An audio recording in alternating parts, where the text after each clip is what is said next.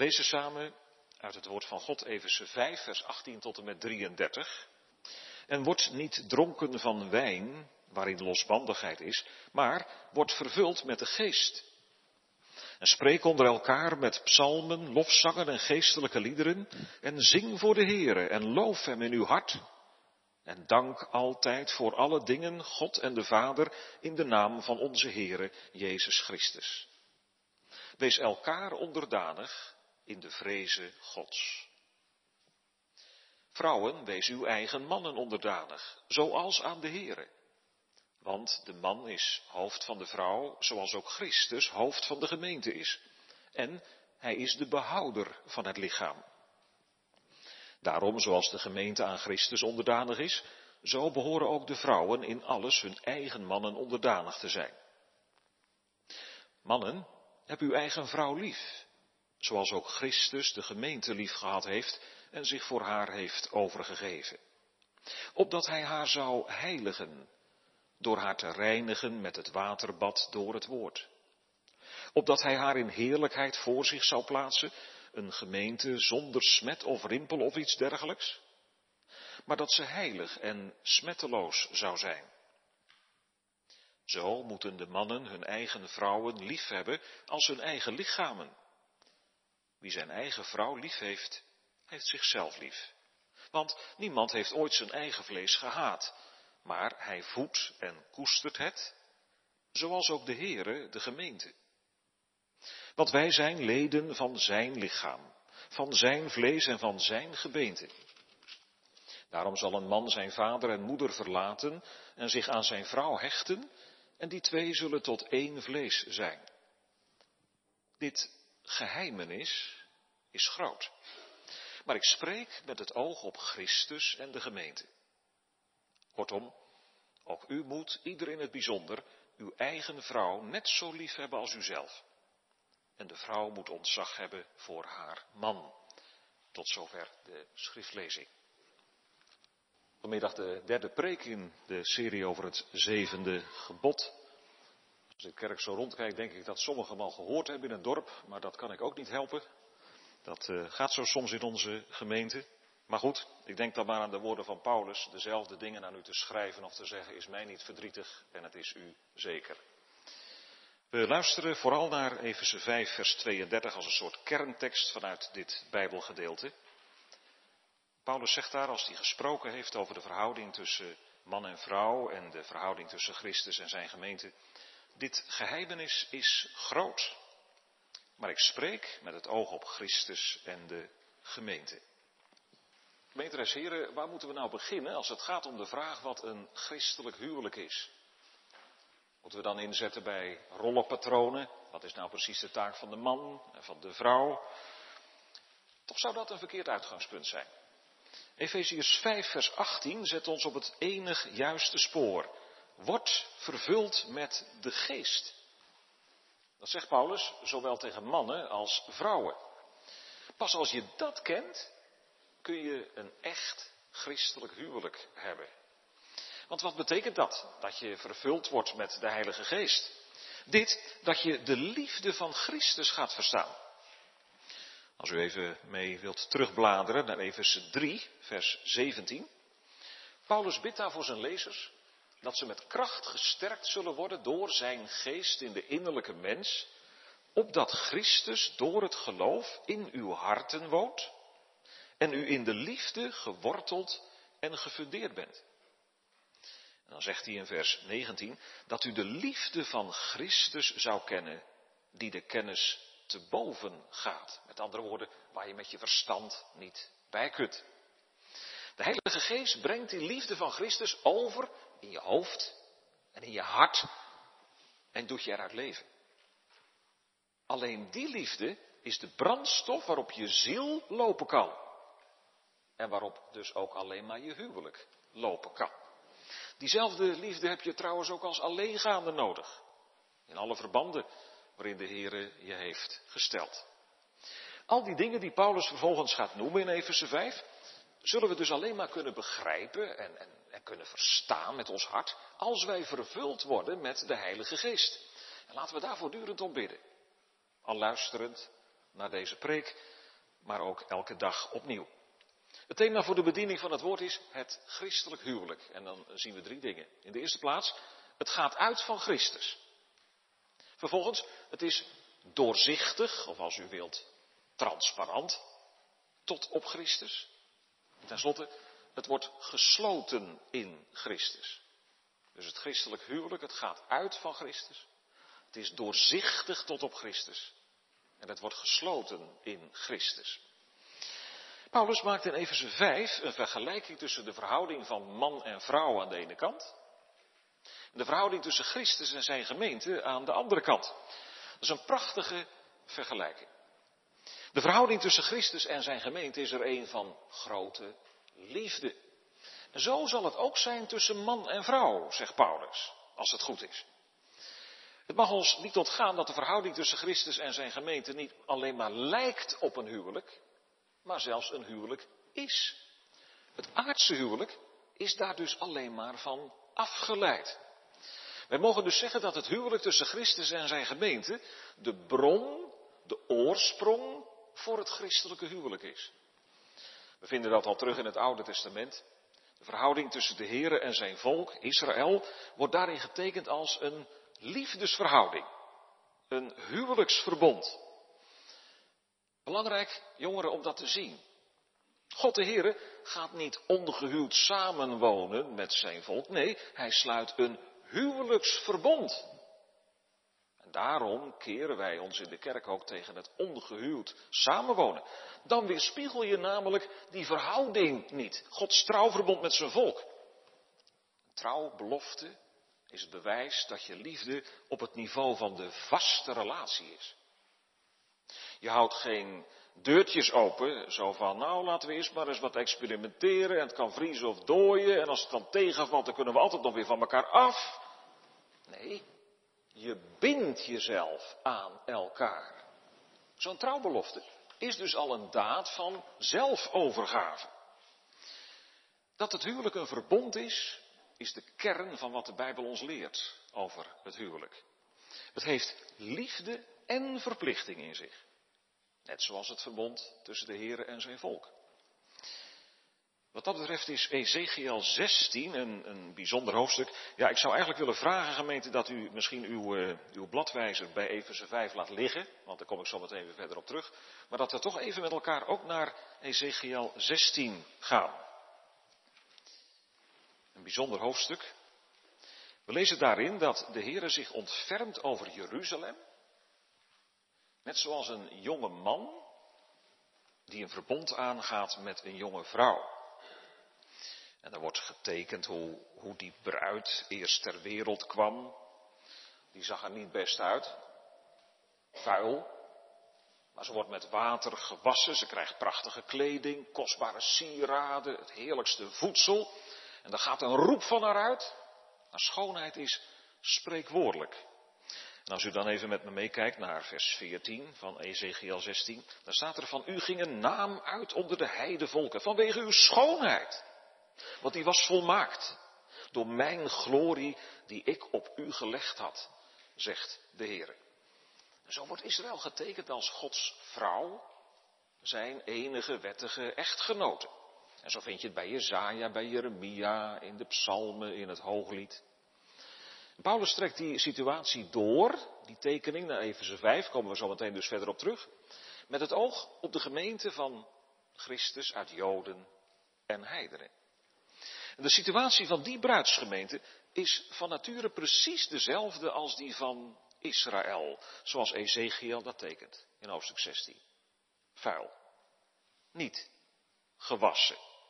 En niemand die er medelijden mee had. Kijkt u maar even mee naar vers 5. Geen oog zag naar u om, om een van die dingen, die zorgzame dingen, uit medelijden bij u te doen. U werd weggeworpen op het open veld, uit afschuw voor uw leven, op de dag dat u geboren werd. Dat volk dat zag er zo weerzinwekkend, zo walgelijk uit. De zonde maakt een mens immers zo afschuwwekkend voor God. Maar dan het wonder, vers 6. Toen ik voorbij u kwam, zag ik u trappelend in uw bloed. En ik zei tegen u in uw bloed, leef! Ja, ik zei tegen u in uw bloed, leef! Dat is het wonder hè, van Gods keuze. Dat hij, dat hij dit weggeworpen kind, dit vuile kind gekozen heeft en dan gaat aannemen als zijn bruidsvolk. En zo, door zijn levenwekkende werk, want hij zegt leef, en dan leven ze ook werkelijk, neemt de Heer ze aan, tot zijn bruid, tot zijn vrouw. Het was de tijd van de liefde, zegt de Heer. Kijk maar in vers 8. Toen ik u voorbij kwam, zag ik u en zie, uw tijd was de tijd van de liefde. Zo spreidde ik mijn vleugel over u uit en bedekte uw naaktheid.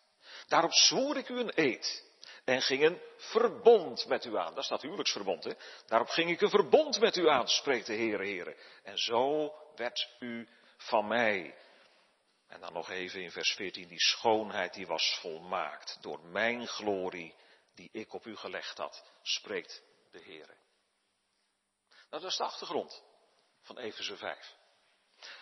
Christus reinigt zijn volk van alle zondevuil en hij doet zijn bruid delen in zijn glorie, die, die straalt op haar af. Nou, dat bedoelt Paulus in Efeze 5, vers 25. Dan gaan we daar weer naartoe. Efeze 5, vers 25. Daar spreekt Paulus dat Christus zijn volk heeft liefgehad en zich voor haar heeft overgegeven, opdat hij haar zou heiligen door haar te reinigen met het waterbad door het woord. En wat geeft hij zijn bruidsgemeente? Een stralende heerlijkheid. Zoals Ezekiel daar al over sprak. Paulus neemt dat weer over in vers 27. Opdat hij haar in heerlijkheid voor zich zou plaatsen. Een gemeente zonder smet of rimpel of iets dergelijks, maar dat ze heilig en smetteloos zou zijn. In Christus. Door zijn verzoenend werk is de gemeente, dat zijn dus al Gods kinderen van alle tijden, bij elkaar volmaakt. Gereinigd van alle zonden. Of je nou gehuwd bent of alleen gaat. In hem, door zijn dood en opstanding, heeft zijn gemeente het kleed gekregen van zijn verdiensten. En zo is de schande van haar naaktheid bedekt. Haar schuld, die open stond bij de Here, ziet God niet meer. Christus heeft die hele schuld van zijn bruidsgemeente overgenomen. Haar onreinheid gedragen. Gods toren gestild en Gods recht vervuld. Gemeente, daar ligt nu ook het wonder van Gods huwelijkstrouw voor zijn volk in verankerd. Immers, wat deed vrouwen Israël steeds weer? En wat doet de bruidsgemeente van Christus ook maar al te vaak? Afdwalen van hem. Andere minnaars nalopen. De goden van de tijd. Mijn hart is zo overspelig. Dat wil zeggen, geneigd om vreemd te gaan naar andere goden. Nou noem ze maar op. Geld, seks, macht, eerzucht enzovoort. Maar telkens weer verklaart de Heere zijn grote liefde aan zijn volk. Hij is, zo mag je dat zeggen in dat hele Bijbelse kader, hij is de vurige, ja zelfs de jaloerse minnaar. Wij horen elke zondagmorgen in de wet dat hij een naijverig God is. Beetje, een beetje een moeilijk woord om dat nou precies weer te geven. Wat is dat nou? Nou, dat wil eigenlijk dit zeggen. Dat de Heere zijn volk niet gunt aan een andere minnaar. Hij heeft er recht op. Hij alleen. En daarom eist hij dat volk waarmee hij een huwelijksverbond sloot, ook altijd weer voor zich op. Toen en nu. En daarom klinkt ook zijn appel. Verlaat de wereld. Dat wil zeggen dat hele denk- en leefschema wat je van mij aftrekt. Ook al is het nog zo verleidelijk. Jongeren, je leeft op het terrein van Gods verbond. Je draagt het teken daarvan aan je voorhoofd. De Heere verklaart zijn liefde aan je. Als een minnaar die zijn hand uitsteekt en jou wil hebben. Zul je dan geen andere goden dienen? Maar alleen de Heere, jou, God. Wij vinden, ik zei het al, die huwelijksverhouding tussen God en zijn volk als een huwelijksverhouding steeds terug bij profeten en psalmen. Ook in het hooglied. Dat wil ik in dit verband ook even noemen. Misschien hebt u dat ook wel eens, als u dat boek leest, dat je denkt, ja wat moet ik daar nou mee? Is dat nou eigenlijk niet een beetje een platvloers boek? Jongeren gaan nogal eens grinniken als dat tafel gelezen wordt. Jongen, jongen, dat is pikant, denken ze dan, hè? Ja, maar hoe lezen we dat nou? Wel, daar wordt aan de ene kant heel onbevangen gezongen over de liefde tussen koning Salomo en een zwart Sulamitisch meisje. De vurige liefde tussen bruidegom en bruid, waarbij ook uitbundig elkaars lichamelijke schoonheid bezongen wordt. Dat is een prachtige gave van God. Dus ik zou willen zeggen, jongelui, wil, wil je weten wat nou, wat nou zuivere liefde tussen man en vrouw is? Lees dan het boek Hooglied. En tegelijk, en zo heeft de kerk het ook altijd gelezen, tegelijk wordt die zuivere huwelijksliefde tussen God en zijn volk, of tussen die twee mensen, een, een prediking van de liefde en de trouw van de Heere die zijn volk Israël heeft uitverkoren als zijn bruid. We mogen de psalmen, de profeten en andere geschriften uit Gods woord zien als liefdesbrieven van de Heer aan zijn volk. Het Nieuwe Testament pakt die lijn op, gaat in diezelfde lijn door. Uitgerekend op de bruiloft in Cana deed de Heer Jezus zijn eerste teken. En daarmee heeft hij het huwelijk geëerd als instelling van zijn hemelse Vader. Verder komen we in het Nieuwe Testament ook steeds weer die beeldspraak tegen van bruidegom, bruid, bruiloft, bruiloftskleed, bruiloftsgasten, vriend van de bruidegom. Kortom, het woord van God is er vol van. Van A tot Z. Van Genesis tot en met openbaring. Op een van de eerste bladzijden van de Bijbel lezen we over de eerste bruiloft tussen Adam en zijn vrouw. En op de laatste bladzijde van de Bijbel lezen we over de bruiloft van de laatste Adam, de Heer Jezus Christus. En we lezen daar dat het nieuwe Jeruzalem neerdaalt uit de hemel als een bruid, die voor haar man sierlijk is gemaakt. En even later wordt gezegd wie die, wie die bruid is. Dat is de vrouw van het lam. En die bruidsgemeente, die is in wederliefde voor haar bruidegom ontvlapt. De Heilige Geest, de bruidswerver, doet haar verlangen naar dat moment dat ze helemaal samen met hem zal zijn. Naar de bruiloft van het lam. Gemeente, herkennen we dat? Is die liefde van God al in je hart aangekomen? Klopt ons hart wel eens sneller als we denken aan de Heer Jezus en aan zijn wederkomst? Kom, kinderen van de Heer, we mogen elkaar wel opwekken om waakzaam te zijn om uit te zien. En onbekeerde, smeek hem dat hij je een levend lid van, je van zijn gemeente maakt. Laat je hart verbroken worden onder zijn liefde. Je wilt toch niet buiten staan straks? Als het grote feest, de bruiloft, aanbreekt. Tussen Christus en zijn bruidsgemeente is zo'n sterke eenheid dat die gemeente zelfs zijn lichaam wordt genoemd. We lezen dat hè, in vers 30 van Efeze 5. Want wij zijn leden van zijn lichaam, van zijn vlees en van zijn gebeten. En daar roept Paulus het verwonderd uit in vers 32. Dit geheimenis, dit mysterie is groot. Maar ik spreek met het oog op Christus en de gemeente. Hij bedoelt dat het huwelijk tussen man en vrouw daarom zo'n groot geheimenis, zo'n mysterie is, omdat het een afspiegeling is van dit huwelijk tussen Christus en zijn gemeente. Er mag tussen man en vrouw een liefdesverhouding groeien en een wonderlijke eenheid, maar die eenheid vindt als het goed is haar grond in Christus en wijst tegelijkertijd ook heen naar Hem. En dat gaan we in de tweede plaats nader bezien. Het christelijk huwelijk is transparant, doorzichtig, tot op Christus. En ik zou zeggen, hou uw Bijbeltje er maar bij. In de versen 22 tot en met 24 worden de vrouwen aangesproken. Dan de mannen in de versen 25 tot en met 30. En dan man en vrouw samen in hun verbondenheid in het huwelijk, vers 31 tot en met 33. In dat verband valt verschillende keren het woord onderdanigheid. Nou gemeente, laten we nou eens even stilletjes nadenken over wat dat woord nou bij ons oproept. Wil u dat eens even doen?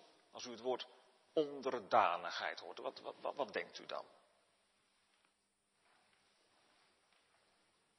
Nou, mag ik eens een paar mogelijkheden noemen? Ergernis. Wat een ouderwets gedoe. Je kunt toch niet meer maken in onze tijd? Of een beetje meewarig. Misschien zelfs al een klein beetje spot. Maar ja, dat dacht je zeker. Dat ik mij als vrouw door mijn man laat gezeggen, dat had hij gedacht. Of ik schaam me eigenlijk tegenover mijn onkerkelijke collega's als ze erachter komen dat dit in de Bijbel staat. Jezus neert je er toch voor? Of dat u zegt, ja, ik wil mij best wel door Gods woord laten gezeggen, maar ik weet toch echt niet wat ik hier nou mee aan moet. Nou gemeente, laten we ons dat bewust zijn. Wij, wij luisteren inderdaad als 21ste eeuwers naar deze woorden. En dan, dan het, hè. Maar zullen we nou eens proberen eerlijk en rustig te luisteren naar wat God hier nou zegt? En als dat mij niet ligt, dan moet ik anders gaan liggen. Want het gaat hier niet om een privémening van een apostel, maar het gaat hier om het onfeilbare woord van God dat gezaghebbend is voor alle tijden. En wat hij zegt is altijd heilzaam en bevordert altijd de vrede en de harmonie. Want wat bedoelt Gods woord nou eigenlijk met de onderdanigheid van de vrouw? Als eerste, wij mogen nooit vergeten wat Paulus in vers 21 noemt als opdracht voor alle leden van de gemeente onderling. Wees elkaar onderdanig in de vreze Gods, in de vreze des Heren, dus vanuit liefde en eerbied voor de Heren. Het woord voor onderdanig kunnen we weergeven met aanvaarden van gezag. Het is een term die afkomstig is uit de militaire wereld. Een duidt op een soldaat die het gezag van een officier aanvaardt. En dat geldt ook van al die andere rangen in het leger ten opzichte van elkaar. Alleen als ieder in dat leger de plaats inneemt die hem is toegewezen of haar is toegewezen, dan functioneert het leger goed. Om deel te zijn van een grotere eenheid moet je dus iets van je onafhankelijkheid inleveren. Niet meer eenzijdig beslissingen willen nemen. Je wilt dienen. Het welzijn van de ander stellen boven dat van jezelf. En wat betekent het nu concreet als de Heere van de vrouw vraagt om aan haar man onderdanig te zijn, zoals vers 22 zegt? Nu, dat moeten we in direct verband zien met vers 23. De man is het hoofd van de vrouw, staat daar. Betekent dat dat hij de baas is van de vrouw en dat zij zijn slavin is? Helaas, het moet toegegeven worden, dat wordt er in bepaalde kringen nog wel van gemaakt. Die karikatuur. Maar dat is een echte mistekening. Paulus noemt de man niet de baas, maar het hoofd. Dat is wat anders. Het woord hoofd betekent oorsprong, begin en ook wel initiatiefnemer. Zo lezen we in 1 Korinthe 11 vers 3 dat God het hoofd is van Christus. Zo is de man het hoofd van de vrouw. En zoals het hoofd verantwoordelijk is voor het lichaam en het leidt, zo moet het nu ook zijn met de man ten opzichte van zijn vrouw. In het voetspoor van Christus. Want, kijkt u maar weer mee, we moeten doorlezen, vers 23. De man is hoofd van de vrouw, zoals ook Christus hoofd van de gemeente is. De gemeente komt uit hem voort. En zoals de Heer Jezus gehandeld heeft ten opzichte van zijn gemeente en dat nog steeds doet, zo moet nu de man handelen ten opzichte van zijn vrouw. En hoe dan? Hoe gedraagt de Heer Jezus zich nu ten opzichte van zijn gemeente? Nou, kijkt u maar weer in vers 23. Hij is de behouder van het lichaam. Hij redt zijn gemeente. Hij houdt haar in stand. Hij doet alles voor haar. Hij koestert haar. En nou wil de Heer dat je als christenman tegenover je vrouw, broeders, daarvan iets zult afbeelden. Van die verhouding, van die houding van Christus. Wat een voorrecht, mannenbroeders, als je getrouwd bent. En wat een verheven opdracht. Om in je huwelijk het beeld van het hoofd van zijn gemeente te mogen vertonen. In echte liefde. Wat is eigenlijk liefde? Ik denk dat er geen woordje is dat zoveel misbruikt wordt als dat. Het Grieks kent verschillende woorden voor liefde. Het woord eros, dat herkennen wij in ons woord voor erotiek. Dat is aanduiding voor een oppervlakkige liefde. Het is de liefde die begeert omdat de ander waardevol is in je ogen. Het is geboeid zijn door die ander in zijn of haar gestalte, bouw, voorkomen, karakter, optreden. En dat is op zich niet verkeerd, maar dat is te weinig als basis voor een huwelijk. Daarvoor is een diepere liefde nodig. Daarvoor gebruikt Paulus het woord agape. Dat is de christelijke liefde. Je zou het zo kunnen zeggen, is de eros de begerende liefde, agape is de gevende liefde. Liefde die dus niet vraagt wat de ander mij oplevert, mij oplevert, maar die alleen maar geeft. Zichzelf geeft. En ik vrees dat het hier in veel huwelijken misgaat. Gemeente, als je de vraag stelt in een huwelijk, ja, wat kan die ander mij opleveren? Dat is natuurlijk een heel ander uitgangspunt dan wanneer je vraagt, wat kan ik voor die ander betekenen? Hoe kan ik hem, hoe kan ik haar laten bloeien? Maximaal tot zijn, tot haar recht laten komen, zodat zij, hij kan leven voor Christus. Niet nemen, maar geven. Ja, dat, dat staat haaks op ons zondige hart. Dat kan alleen de geest van Christus je leren, zodat zijn gevende liefde je leven doortrekt. Laten we vers 25 eens lezen. Mannen, heb uw eigen vrouw lief, zoals ook Christus de gemeente lief gehad heeft en zich voor haar heeft overgegeven. Dat is de liefde van Christus. Zijn zelfovergave tot in de dood.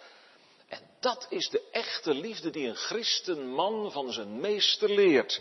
Radicale zelfovergave. Het totale offer. Onbegrensde liefde.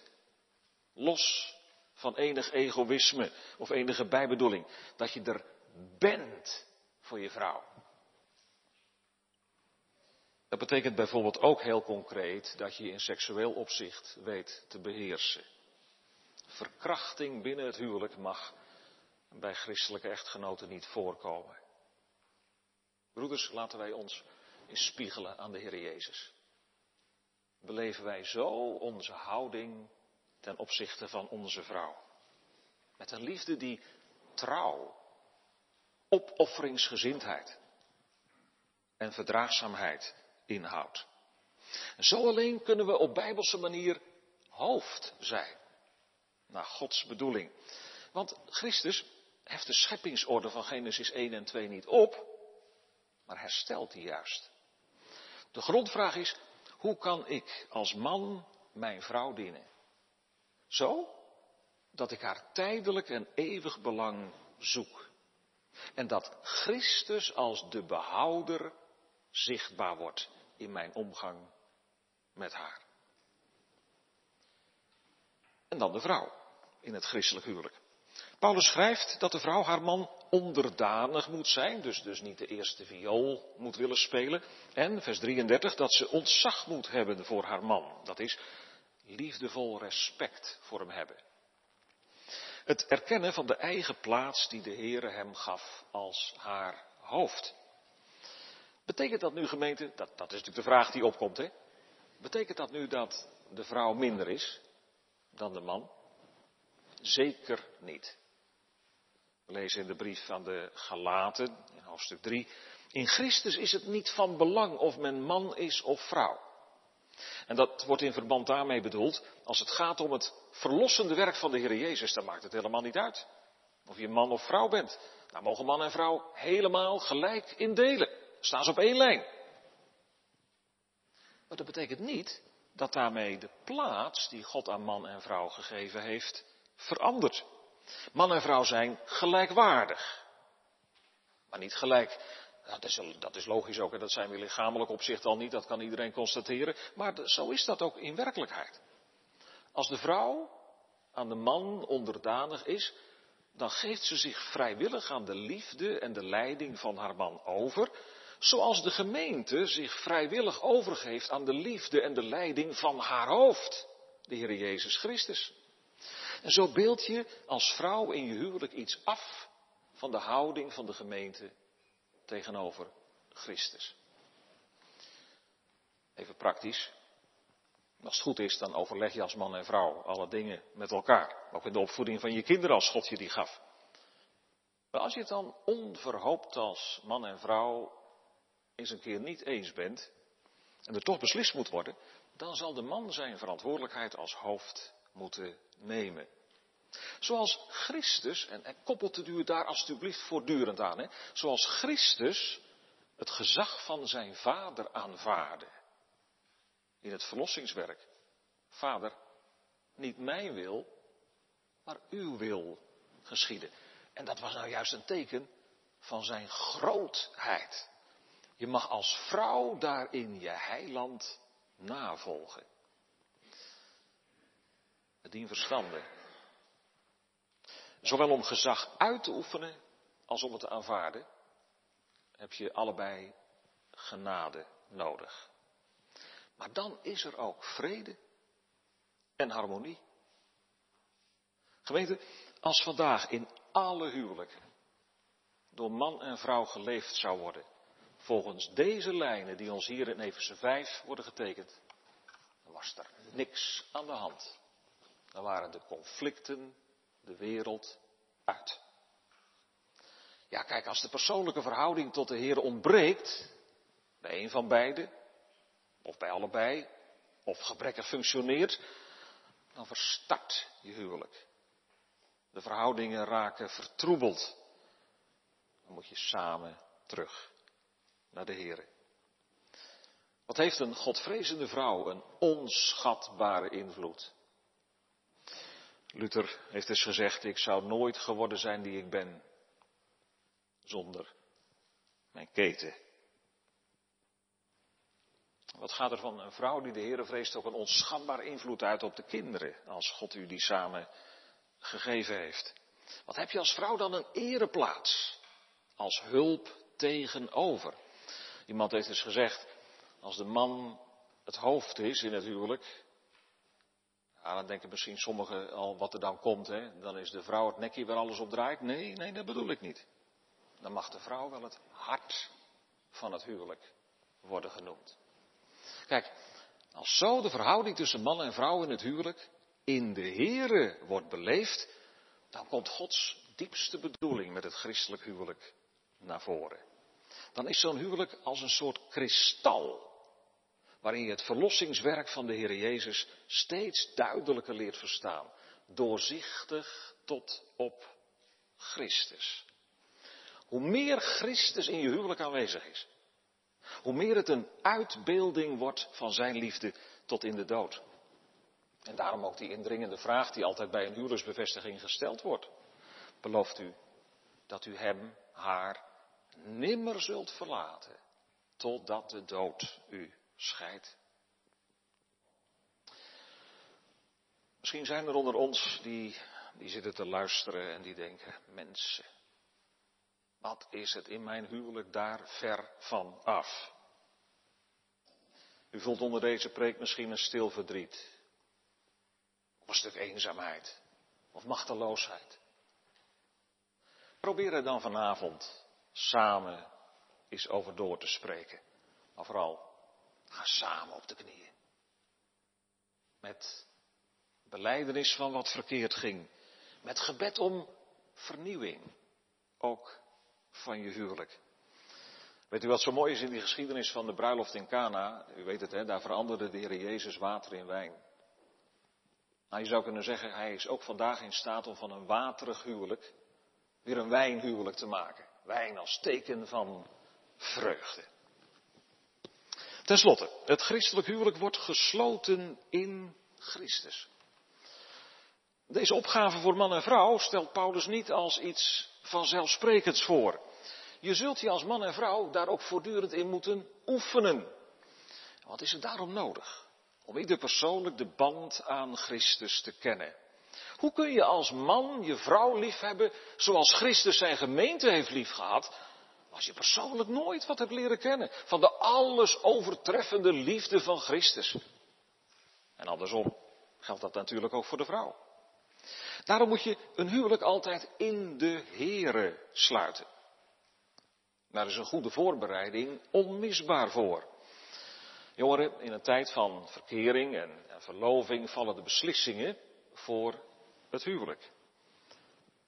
Als het huwelijk mislukt, is dat nogal eens, ik zeg niet altijd, is dat nogal eens het gevolg van een begin zonder God.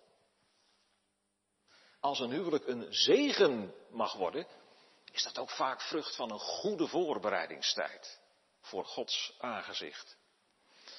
Vraag je nou altijd af, hè, er zitten ook jongeren in de kerk die nog geen verkering hebben, en daarom is het mooi om dat juist op dit moment tegen je te zeggen. Vraag je altijd af, kan ik met die jongen, met dat meisje, de Here dienen? En later, als God het zou geven en we zouden kinderen mogen krijgen, kunnen we dan samen kinderen grootbrengen tot zijn eer? Kun je met hem, met haar bidden?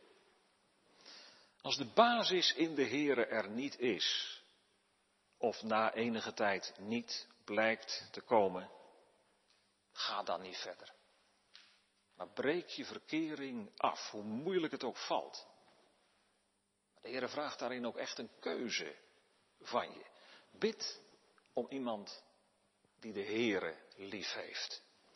En als je die basis mag ontdekken samen, en prachtig als dat gebeurt, hè, bereid je dan samen ook biddend op het huwelijk voor.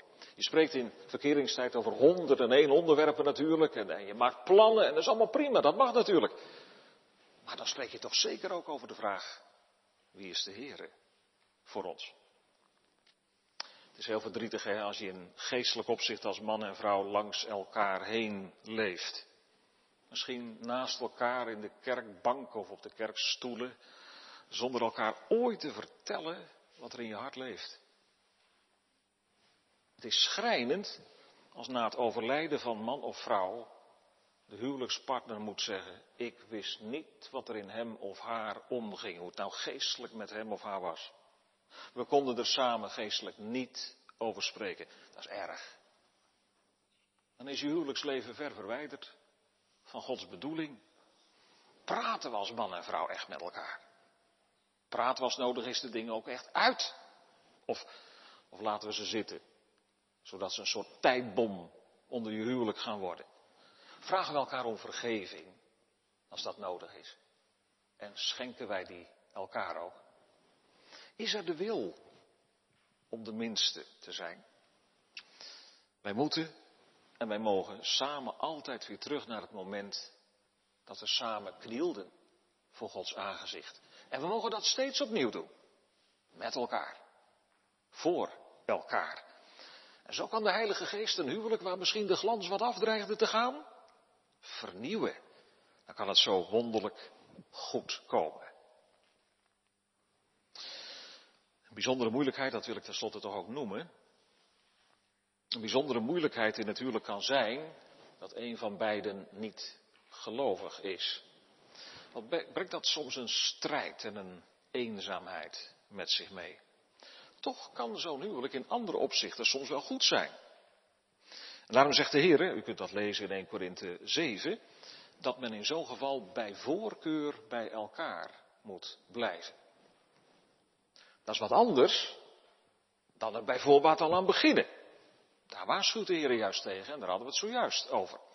Maar als het feit er ligt, dan ligt er een extra grote opdracht voor de gelovige partij om voor de ander te bidden. En om zo te leven dat het aanstekelijk mag werken voor die ander. Petrus heeft het zelfs ergens over dat de mannen die ongelovig zijn, door de gelovige levenswandel van de vrouw zonder woorden gewonnen mogen worden. Een christelijk huwelijk. Het heeft veel te zeggen in onze verziekte maatschappij. Wij weten gemeente, aan elk huwelijk komt een keer een eind. Ook in het christelijk huwelijk geldt. Als wij niet als levende mensen aanwezig zijn bij de wederkomst van de Heer Jezus, maakt de dood eenmaal scheiding. En er zijn er onder ons die dat maar al te pijnlijk weten. Juist als het zo goed mocht zijn. Maar juist dan zal blijken dat het huwelijk tussen Christus en zijn bruidsgemeente uitgaat boven het aardse huwelijk. En dat is een huwelijk waarin ook zij die nu alleen gaan door het geloof mogen delen. Dan zegt de Heer, ik zal u beslist niet verlaten en ik zal u beslist niet loslaten. De huwelijksband tussen man en vrouw is tijdelijk. De huwelijksband tussen Christus en de zijnen is eeuwig. Amen.